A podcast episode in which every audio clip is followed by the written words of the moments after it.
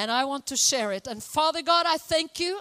Your word is holy, and I thank you that it is penetrating into our innermost being so that it separates what is spiritual and what, what is of the soul. And I just thank you, Father, that you will take your word today and make it come alive in us. Let us be bearers of the word of God, Father. I thank you, Lord, that by faith this word will melt into our inner being and become one with us so that we can be doers of the word. Amen. Doers of the word, not hearers only. Okay. You know, I'm going to uh, to share the first scripture that I'm going to share with you is from Second Kings. And it's a very special word, a very particular time in history where this is taking place. It's in Second Kings and it's in chapter 22. This is something very special. You know, when we read uh, the book, the, the, the book of the Kings, is very special because you see one king is coming and he's totally he's he's going against god he's building up a lot of uh, idolatry you know he's raising up uh, all kinds of statues for different gods idols and doing all kinds of, of really evil things. And then you have another king coming and he is following the lord and he is uh, he is trying to raise uh, the people back to integrity in God, back to the ways of the Lord. Then comes another king, and he is taking what the, this other king was doing of good and is totally tearing it down so that everything has to be raised again. It's a horrible thing to read. And, and when you read this, you do not also understand how is it possible that a son of someone so righteous as one as, as one king can, then his son is coming and he's ruining everything. He's going against everything his father did. How is it possible? You're thinking, what did these kings do? Didn't they raise their sons? What were they up to? Did they for, for they were maybe reigning in the whole nation, but they forgot their own sons? I don't know how these sons could rebel in the way they did, but they are. They, we see so many rebellious kings, and this has gone on for a long time now that evil kings have been reigning and God is really God they have turned their back against God. They are teaching the people how to really just rebel against God. They are teaching the people that it doesn't really matter. You know, maybe someone in former times said that we should fear God, but forget about the thing because we have we are in modern times and we know how to do this. And you follow our ways and you follow our rules, and we are the ones to shine. Forget about a God that would shine. We are shining for you. We are your kings. You understand? They wanted the glory instead of God getting the glory, instead of giving God the glory, they wanted the glory. Now comes another king into the stage. And when he is becoming king, he's only eight years old. And this king is becoming totally different. You know what it says about him? That there, there was no, there has never been a king like him, and there never came another king, king like him. He started to reign when he was eight years old. And he was probably raised by his mother says who his mom was must have had a very righteous mom that probably told him how to reign. I mean if you have an 8 year old boy reigning as a king there must be someone behind him right so there was very godly leadership in his life and he was and he didn't want to rebel he wanted to obey you know and he was starting to seek righteousness in a very profound way. And, and here, when we, when we come to chapter 22 in Second Kings, he is now 26 years old. He's been reigning for, for many years now, and he's, but he's all the time looking for what can he do next? What can he do next? You know, he's such a good, righteous king. But it's not until this year that they discover the Word of God, that the Word of God is found. So listen to this. In, in from chapter 22, Josiah was eight years old when he became king, and he reigned 31 years in Jerusalem. His mother's name was Jedidah, the daughter of Adaiah of Bozkath. And he did what was right in the sight of the Lord and walked in all the ways of his father David. He did not turn aside to the right hand or to the left. Then he is wanting every, he wants the temple to be restored. He, the, the temple, you know, the temple was really in a bad condition. It was broken down it, it has undergone so many uh, uh, you know, wrongdoings. You know, the temple, it was spiritually down, and it was, but it was also physically down. So he, he's told everyone, I want the temple restored. I want, I want you to rebuild the temple. I want it back to its, its glory. I, I want it repaired, and, uh, and there should be nothing that we should uh, keep away from raising the temple back to its to its original state. Physically you know carpenters and builders and and uh, many people were, were building. They had to buy timber. They had to find special stones to repair the temple and in the doing of this it says in verse 8 then hilkiah the high priest said to shaphan the scribe i have found the book of the law in the house of the Lord. And Hilkiah gave the book to Shaphan and he read it. The book was found when they were doing all this kind of repairing in the temple. Suddenly they found a book, not any kind of book. And you just have to imagine this, you know, that in the temple, in the repairing of the temple with all these carpenters with all these workers involved you know imagine the dust imagine all the all the things there. They are working they are in intense work. Then suddenly they find the book. And they are you, you know you just imagine how they are just taking the dust and all the dirt off the book and they are understanding that this scroll must be really important it's found in the temple. We need to give it to the high priest, you know? And the high priest is understanding as he's reading it, he's understanding we need to give this scroll, the book, this book to the king. The king needs to know this. And what happens when they find the word of God? Everything changes. Everything changes. Every, every, everything changes when they find the word. Listen to, to, to what they say. Verse 10 Then Shaphan the scribe showed the king, saying, Hilkiah the priest has given me a book. And Shaphan read it before the king. Now it happened when the king heard the words of the book of the law, that he tore his clothes. Then the king commanded Hilkiah the priest and the others is written with but they are written here by names. Go inquire of the Lord for me, for the people and for all Judea concerning the words of this book that has been found. For great is the wrath of the Lord that is has arose against us because of our fathers that have not obeyed the words of this book to do according to all that is written concerning us. So they are now looking for a prophet and they find a prophet and they are inquiring, What is God saying? What are we going to do? What is the word producing when they hear the word? The king himself is tearing his clothes. He's like, What have we done? Against whom? Against God. God has written His word to us. God has given us His ways.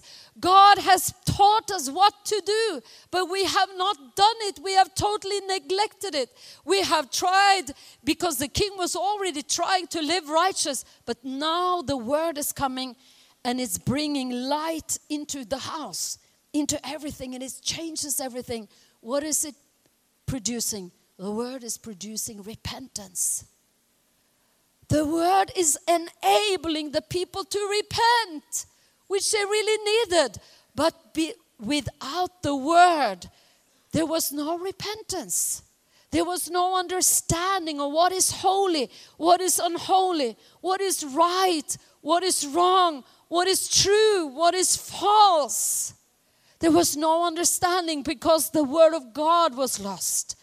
But now the Word of God is found and it's brought back into the light and into the center of the hearts of the people.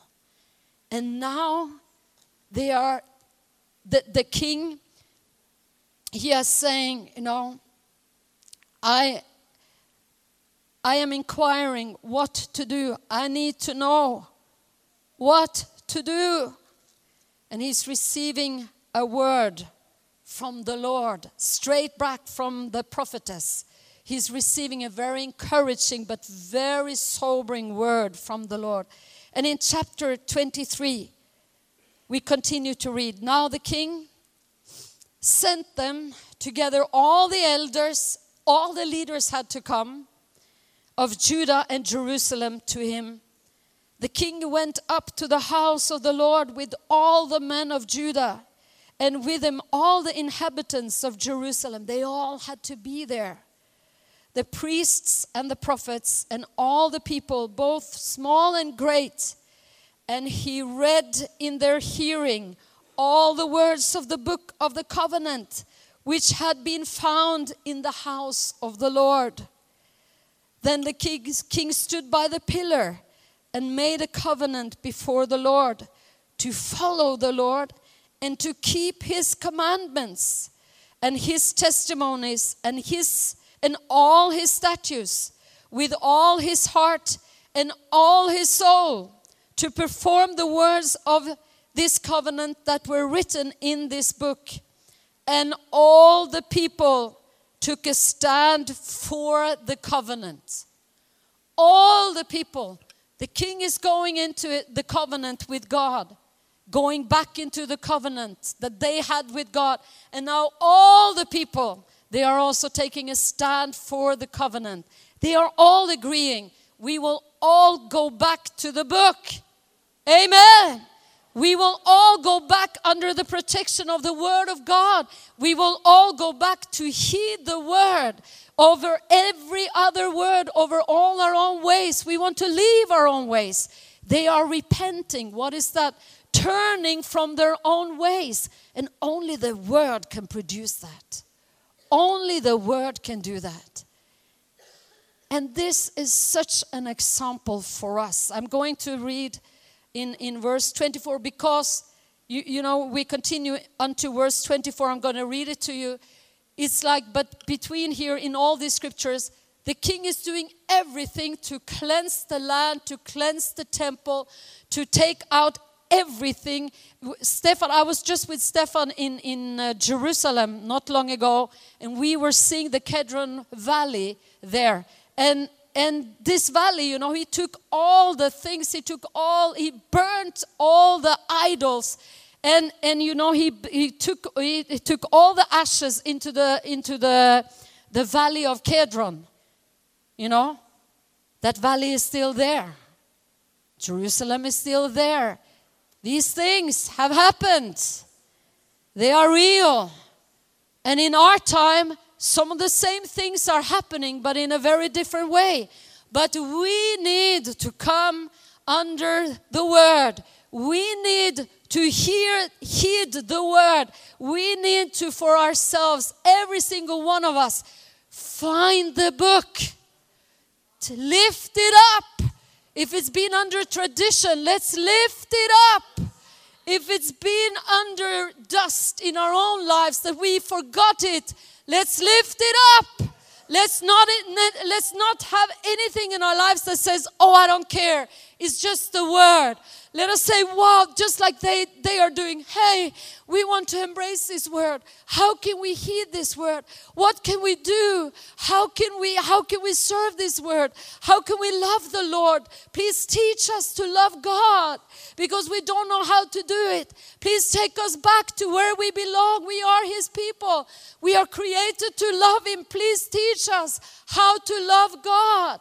If God tells us that you cannot have sex with anyone that you want to have sex with, Oh God, I want to turn from that. Please help me, Lord. Then teach me how am I supposed to live? This is the heart of these people, and this is the heart of the people of God, isn't it?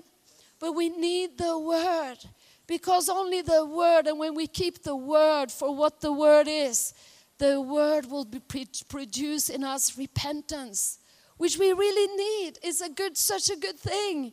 It helps us come into Christ where we are free. We are born again, amen. Living by the help of the Holy Spirit, not in our own strength, not in our own power, not in ourselves, but we're living in the Holy Spirit and in the capacity of God Almighty as His people, shining in the earth, amen. Telling people, come on, there is a God to worship, there is a God to love. There is a God that will tell us how to live our lives. There is a way, there is a path of life that we can follow, and we will end in heaven. We will end up in eternity with God. Amen. And you know, God is bringing back such a love for His word, such a love for His people. You know, these people stood together. The king said, I, he was reading it all to them, and the whole people said, we go into the covenant together. They all took a stand for the covenant. Amen. We're all going to do that in this time. God is raising his people to say, Hey, God, I'm taking a stand for the covenant that you made with me through Christ, through the blood of Christ. You made a covenant with me. This is a holy covenant, and I will never, ever depart from it, Lord.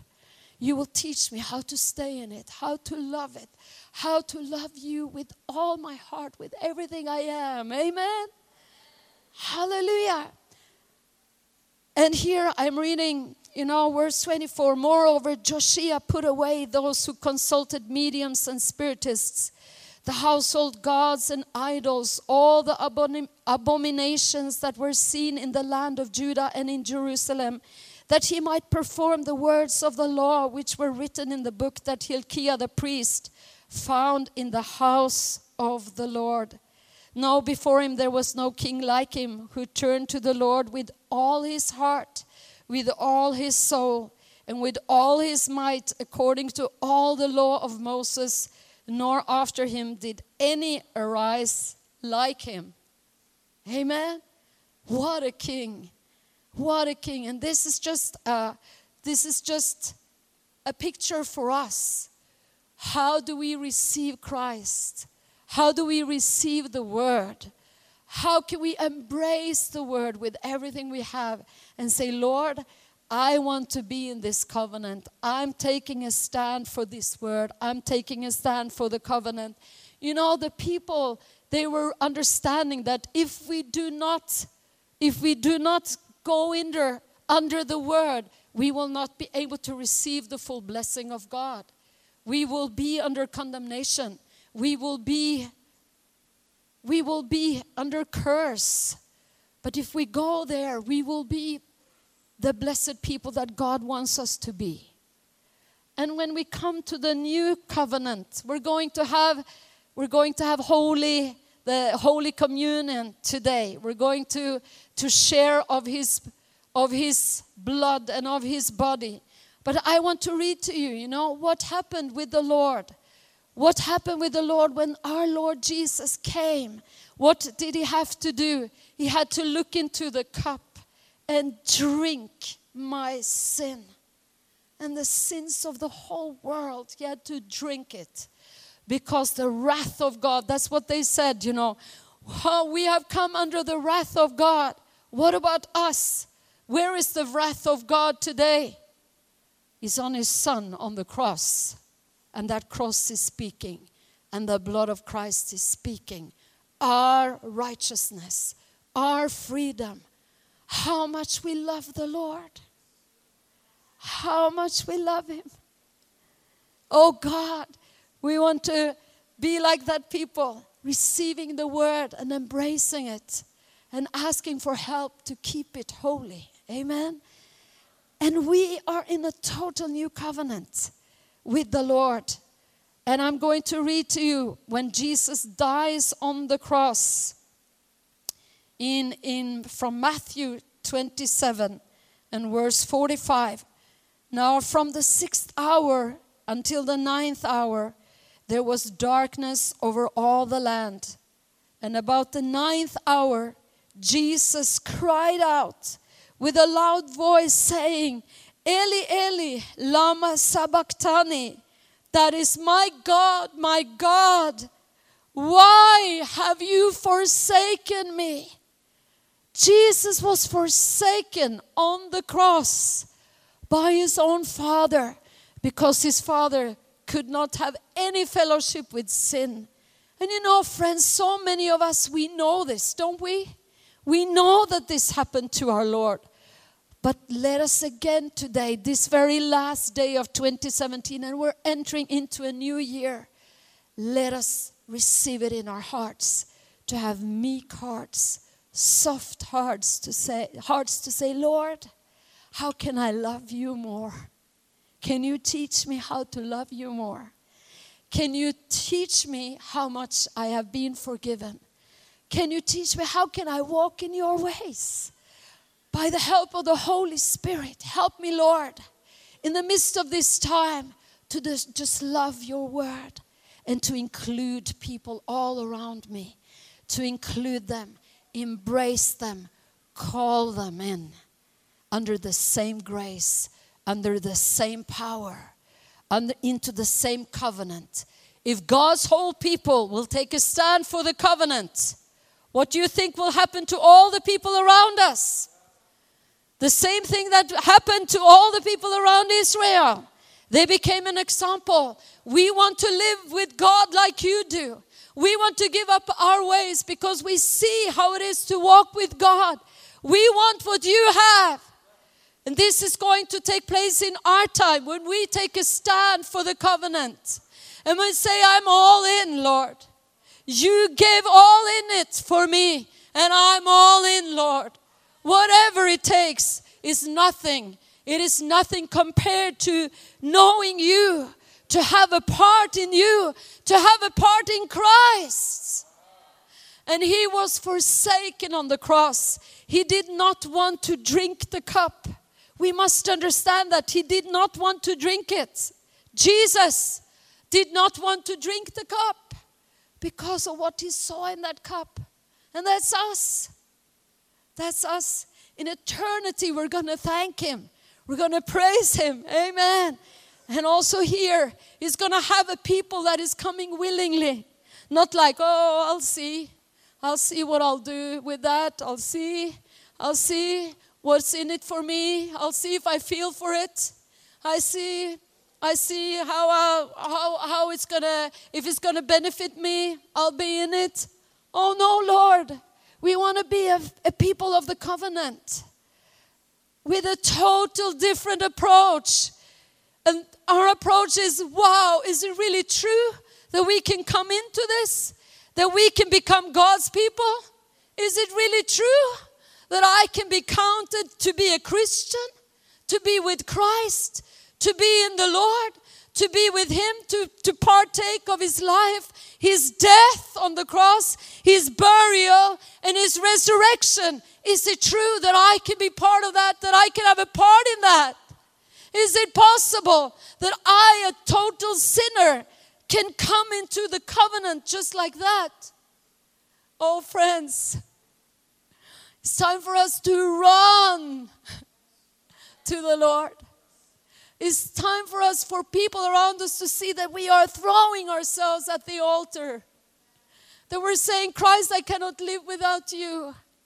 I cannot make this life without you. I need you, Lord. I need you, Lord. I need you, Lord.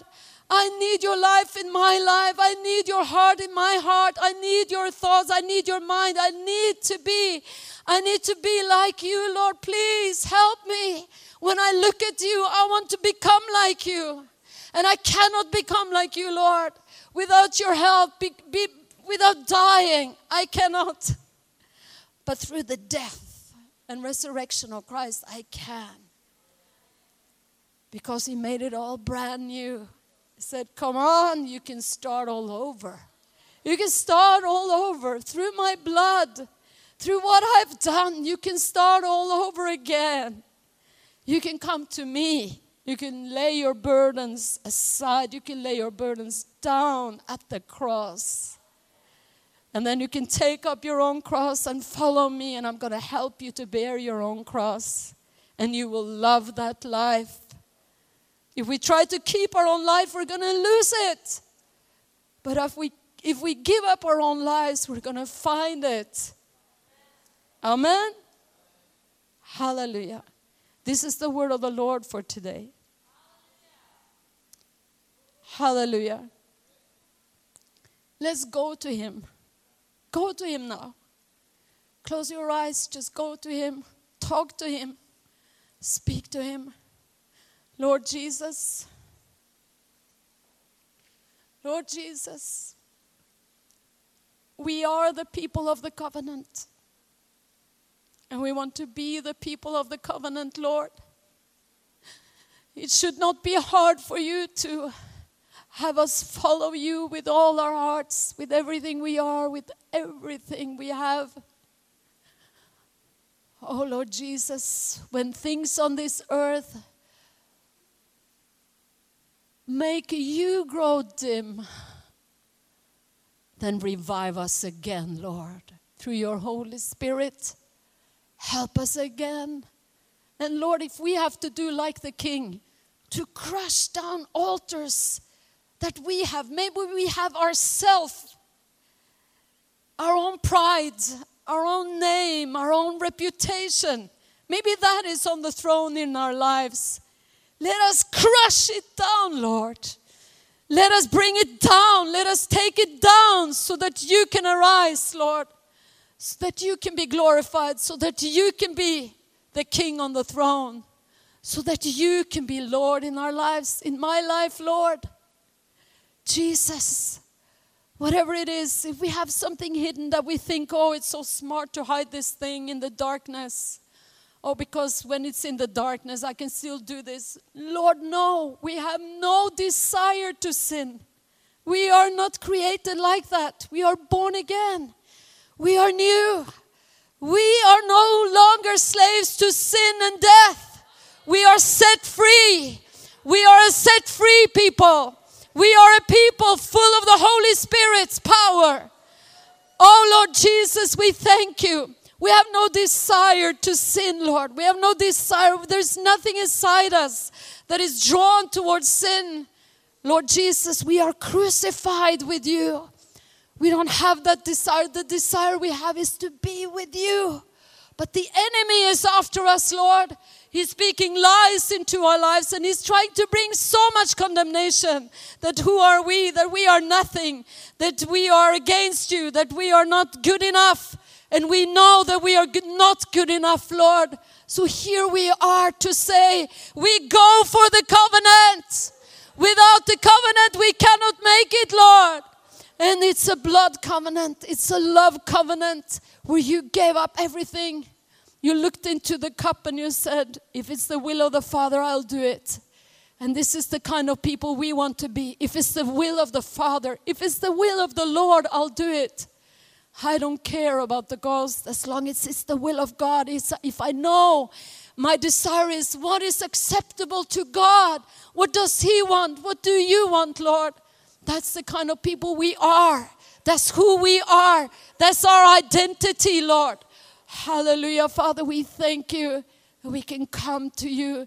Thank you, Father, for this meal that we're going to have today together with you, Lord partaking of your body, of your blood. Thank you for giving it all for us, Lord. Thank you for taking us up to where we belong, Lord. Thank you for revealing your word to us because the word brings repentance that we really need, Lord.